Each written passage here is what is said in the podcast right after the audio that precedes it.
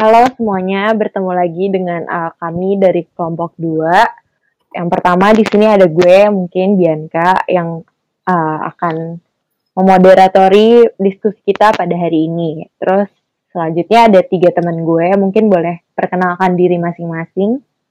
Halo, nama gue Muhammad Fadil, gue mahasiswa ilmu politik UPN VJ angkatan 2019. Halo, nama gue Muhammad Dwi Cahyo, biasa dipanggil Dwi. Gue mahasiswa ilmu politik uh, UPN VJ angkatan 2019. Halo, nama gue Safa Siti Aldina, biasanya dipanggil Safa. Gue mahasiswa ilmu politik uh, UPN VJ angkatan 2019. Oke, jadi kita nih dari kelompok 2 hari ini akan membahas tentang komunisme atau lebih tepatnya kita dapat tema komunisme. Nah, mungkin sebelum kita bahas lebih dalam lagi nih, apa sih yang kalian tahu nih secara umum tentang komunisme? Uh, mungkin dimulai dari gue ya. Uh, Boleh. Kalau kita lihat dari segi bahasa, komunisme itu berasal dari bahasa Latin, yakni komunis atau bahasa Inggrisnya common atau universal, yakni ideologi yang berkenaan dengan filosofi, politik, sosial, dan ekonomi yang tujuan utamanya menciptakan masyarakat ekonomis yang berdasarkan kepemilikan alat bersama tanpa adanya kelas sosial. Gitu. Oke, berarti kelihatan banget ya kebalikannya dari kapitalisme ya sifatnya. Next, mungkin dari Safa kali ya. Uh, komunisme kalau menurut Marx sendiri itu kan sebuah fase akhir dari proses perubahan sistem ekonomi politik, di mana ketika, ketika negara sosialis telah berhasil mendayagunakan alat produksi untuk memenuhi kebutuhan rakyatnya, maka suatu ketika nanti akan terbentuk suatu masyarakat ideal yang saling memenuhi kebutuhan sama, satu sama lain. Jadi nggak perlu uh, peran dari pemerintah. Nah, dari konteks ini, komunisme sih bisa dikatakan sebagai bentuk kondisi masyarakat anarkis yang tidak lagi membutuhkan figur pemimpin, terus juga tidak membutuhkan negara sebagai lembaga kewenangan vertikal. Menurut gue sih okay. gitu. Oke, yang terakhir mungkin kita dengar mau dengar dari Dwi kali ya. Gimana Wi? Kalau dari gue sih um, komunisme itu menurut gue suatu ideologi apa sosial politik ekonomi ya yang tujuannya itu uh, tujuan akhirnya itu menciptakan di mana masyarakat hidup di dalam di dunia yang setara. Uh, kurang lebih sama sih sama yang siapa bilang. Oke, okay. mungkin uh, gue bisa simpulkan ya awalnya mungkin sejarahnya ya uh, munculnya komunisme ini sebagai bentuk protesnya si Karl Marx terhadap kelas-kelas uh, sosial yang diciptakan dari adanya kapitalisme ya.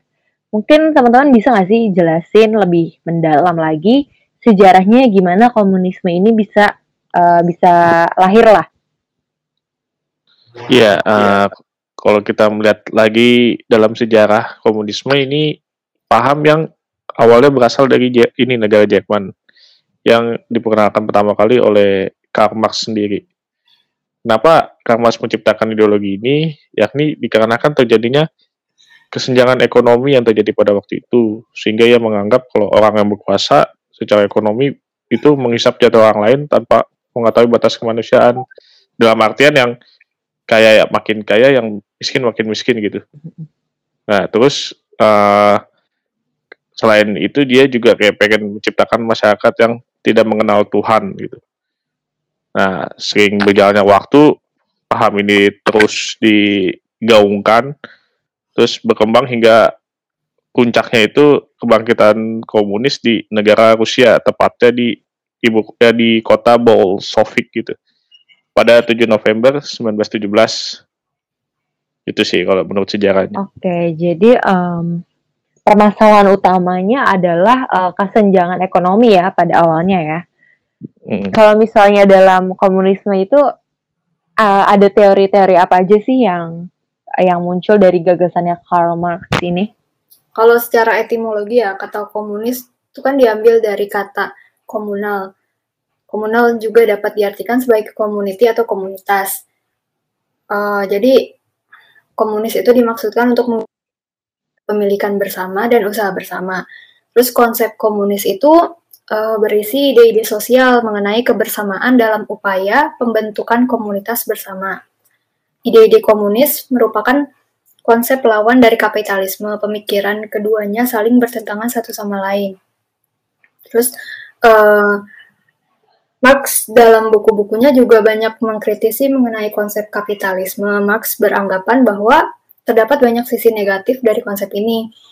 Marx menawarkan sebuah, sebuah konsep sosial yang sebagian pemikirannya terinspirasi dari ide sosialis yang di, dikembangkan oleh Hegel.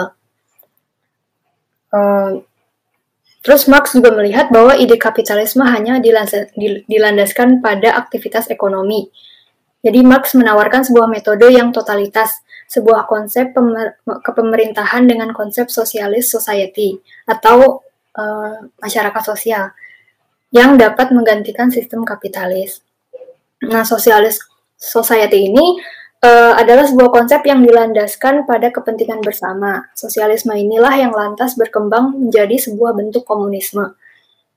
Terus konsep ini juga dipandang mampu menghilangkan kelas-kelas dan konflik yang terjadi dalam masyarakat kapitalis. Jadi pada intinya, eh, komunisme itu mencakup sistem ekonomi, sosial, dan politik. Dalam komunisme, eh, merupakan milik bersama. Hak individu tidak diakui dalam konsep komunisme. Tidak ada buruh dan tidak ada pula pemilik modal. Oke, jadi uh, menurut gue sih tetap ya yang paling menonjol tuh uh, ada di permasalahan ekonomi ya, di mana kalau misalnya kapitalisme itu uh, kepemilikan alat dan uh, tanah misalnya itu bisa aja dimiliki oleh satu orang berjuis gitu. Hmm. Sedangkan kayak yang Safa bilang tadi uh, itu kalau di komunisme itu milik bersama sehingga diharapkan nantinya konflik antar kelas yang terjadi itu bisa uh, diatasi ya. Dari dulu ada tambahan nggak? Nah, selain itu juga Marx uh, mencetuskan beberapa teori. Yang pertama itu teori Marxisme sendiri. Nah, teori ini digagas oleh Karl Marx dengan tujuan mengkritik tindakan eksploitatif kelas borjuis terhadap kelas proletariat dalam sebuah kapitalisme. Marx berpendapat bahwa dalam pemenuhan materi merupakan sebuah basis paling mendasar dari seluruh struktur kapitalisme. Nah, karena itu, Marxisme merupakan sebuah filsafat materialisme. Bukunya Karl Marx, yaitu Das Kapital, uh, itu isinya tentang kritikan akan kapitalis dan sistem perekonomiannya. Dalam bukunya juga terdapat gagasan tentang surplus value yang berujung pada penindasan buruh. Nah, teori surplus value, teori dari pemikiran takkan tentang adanya kelebihan nilai produksi seorang buruh berbanding dengan upah dalam suatu proses produksi. Kelebihan nilai ini menciptakan keuntungan bagi para pemilik modal biaya produksi berbanding pekerjaannya.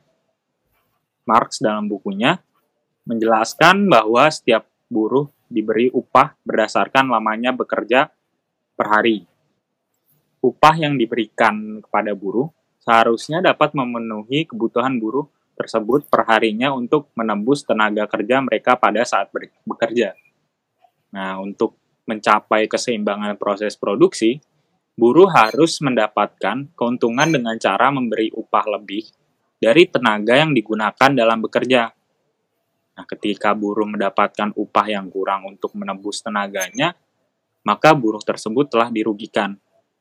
Sisa nilai upah yang seharusnya diberikan pada buruh agar mendapatkan keuntungan inilah yang disebut dengan nilai lebih atau surplus value. Nah, secara nggak langsung, pemilik produksi yang mempunyai surplus value telah mencuri keuntungan berupa upah yang seharusnya menguntungkan buruh yang dipekerjakan.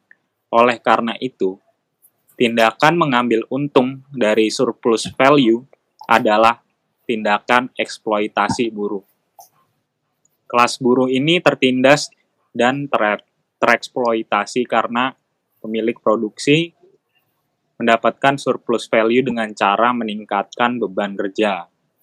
Peningkatan beban kerja ini bisa berupa pekerjaan yang bertambah atau pekerjaan yang berat berbanding terbalik dengan jumlah upah yang dibayarkan agar mendapatkan keuntungan. Hal ini dilakukan agar modal bisa teralihkan untuk hasil produksi. Gitu sih.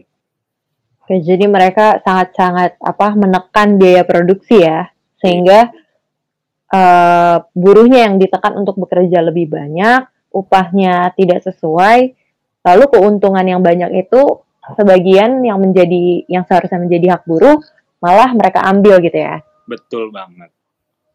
Oke. Okay. Uh, terus juga uh, kalau Karl Marx sendiri memandang buruh itu teralienasi dari uh, apa barang-barang yang mereka produksi gitu. Mereka memproduksi, namun mereka nggak bisa memiliki barang-barang tersebut untuk dirinya sendiri. Itu yang menjadi concernnya Karl Marx juga. Iya. Kalau bicara tentang komunisme lagi nih di Indonesia sendiri, uh, Indonesia sendiri itu termasuk yang apa ya ribet banget atau apa ya Parno ya kalau kalau ngomongin iya. komunisme Gimana sih menurut kalian komunisme di Indonesia? Apakah yang uh, eh, PKI yang waktu itu sudah dibubarkan, apakah menurut kalian komunisme tersebut masih ada sebetulnya di Indonesia? Atau kalian punya pandangan lain? Gimana? Uh, kalau kita melihat pada studi kasus di Indonesia sendiri, komunisme di Indonesia, Indonesia juga pernah menjadi salah satu kekuatan besar komunisme di dunia, yakni pada kelahiran PKI pada tahun 1920 ini kelanjutan fase awal do, eh, dominasi komunisme di negara Indonesia itu bahkan di Asia. Tokohnya tuh kayak seperti Tan Malaka itu yang merupakan awal bibit perjuangan PKI gitu di Indonesia. Ya, Tan Malaka salah satu tokoh kiri ya di Indonesia yang cukup mm -hmm. vokal juga. Uh, gimana Wi kalau menurut lo Wi, PKI sendiri? Atau misalnya komunisme di Indonesia lah secara umum? kalau komunisme ya sebelum PKI itu sebenarnya ada juga nih ada seorang Belanda orang kelahiran Belanda yang bernama Snevlin uh, yang membawa ideologi komunisme dari Nederland dan disebarkan ke Hindia Belanda. Nah, nama lengkapnya si Snevliet ini Hendrikus Josephus Franciscus Marie Snev di Rotterdam tanggal 3 ada 1883. Nah, sejak tahun 1902, dia udah aktif dalam kehidupan partai politik. Waktu tiba di Hindia Belanda atau Indonesia waktu dulu, pada tahun 1913, dia bekerja di koran Surabaya, Handelsblad. Okay. Uh, nah, Surabaya. dari terbentuknya PKI ini, kita bisa ngelihat ada beberapa uh, kejadian yaitu pada 9, pemberontakan PKI pada 1926 dan pada tahun 65 di mana yang uh, kita masih belum tahu gimana sejarah aslinya gitu kan. Nah, sayangnya uh, eh, PKI pada saat ini tuh jadi kayak semacam hantu nggak sih? Kayak hmm. banyak banget orang-orang yang takut dengan kehadiran PKI. Padahal kita udah tahu sendiri kalau uh, ideologi ideologi kiri tersebut udah dilarang sama pemerintah pada TAP MPRS 1966 ya kan. Cuma masih banyak sampai setiap tahun pun uh, pemerintah masih nayangin G30 SPKI sebagai alat propaganda mereka yang membuat kita menjadi takut gitu. Yang membuat hmm. hantu ini terus-terusan hidup di Indonesia gitu. Ya, jadi gue bisa menyimpulkan bahwa komunisme itu ideologi yang berkenaan dengan filosofi, politik, sosial, dan ekonomi, di mana tujuan utamanya sebetulnya menciptakan masyarakat yang komunis dengan aturan sosial ekonomi berdasarkan kepemilikan bersama alat produksi dan menghapuskan kelas sosial. Yang mana kalau di Indonesia sendiri kita sebetulnya punya sejarah yaitu uh, eh, PKI ya. Cuman uh, hal itu rasanya sampai saat ini masih masih menghantu-hantui kita. Uh, kita sendiri juga masyarakat menjadi semakin parno gitu bahas tentang komunisme, PKI dan lain sebagainya. Padahal menurut gue sangat baik jikalau uh, kita ya terbuka aja untuk mempelajari tentang komunisme itu sendiri ataupun diskusi lah seperti yang kita lakukan sekarang ini agar masyarakat bisa lebih teredukasi juga tidak selama-lamanya dibodoh-bodohi atau ya seperti itulah sekian dari kelompok ya. kami kurang lebihnya mohon maaf sampai ketemu lagi di podcast selanjutnya dadah ya yeah. yeah.